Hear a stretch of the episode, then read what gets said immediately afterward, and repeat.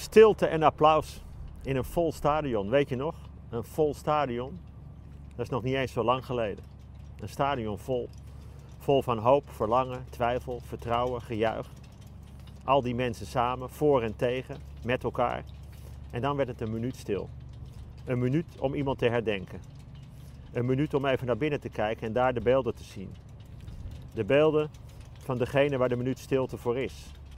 Voor iedereen vaak automatisch gemengd met beelden van mensen nog dichterbij. Vader, oma, dochter, vriend. In stilte. Met zoveel mensen is dat oorverdovend. Op die stilte kun je zelf alles projecteren, in totale vrijheid. Misschien is dat wat het juist zo indrukwekkend maakt. Je hebt de vrijheid om zelf stil te zijn, niet verplicht onder bedreiging. Met 50.000 anderen die ook zelf mogen bepalen wat ze horen en zien in die stilte. En dan is de minuut om en dan klinkt een gejuich. Gejuich als een enorm hard dankjewel. En dan wacht je op de minuut van het rugnummer. En dan mag je nog eens klappend onderstrepen wat je voelt. Laten merken dat er altijd minuten zullen zijn van stilte en applaus, omdat er mensen en gebeurtenissen zijn die we niet vergeten. Stilte. Hoor het stadion vlak voor een service bij tennis, voor de start van de 100 meter sprint. Kijk naar diegene die wacht tot hij de beslissende strafschot mag nemen. Hoe iemand die de hele wedstrijd is uitgescholden en beledigd met een doelpunt het stadion stil krijgt.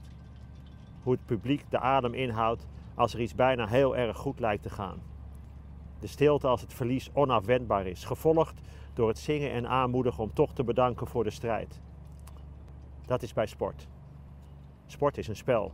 Het gaat niet op leven of dood. Ook al denken sommigen dat wel. Is niet zo. In sport is er geen vijand. Er is wel een tegenstander, maar die heb je juist nodig.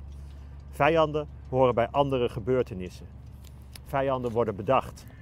En als je een vijand bedenkt, dan word je voor de ander zelf ook de vijand. En dan heb je dus twee partijen die zich niet meer aan de regels houden en dan is het geen spelletje meer. Maar dat is logisch. Op 4 mei zijn we niet één, maar twee minuten stil. Of zoals mijn vader vaak, de hele dag. Denkend aan een tijd dat er niet eerlijk werd gespeeld. Door mensen die geen mensen meer waren. Mensen die stil bleven en nooit meer werden gehoord. Mensen die ondanks alles bleven helpen. Daarna vroeg ik aan mijn vader waar hij aan dacht. Dan bleef hij lang stil en dan zei hij, terwijl hij zich afwendde: Ik ben blij dat jullie dat niet mee hebben hoeven maken. Het is wel goed om even bij stil te staan.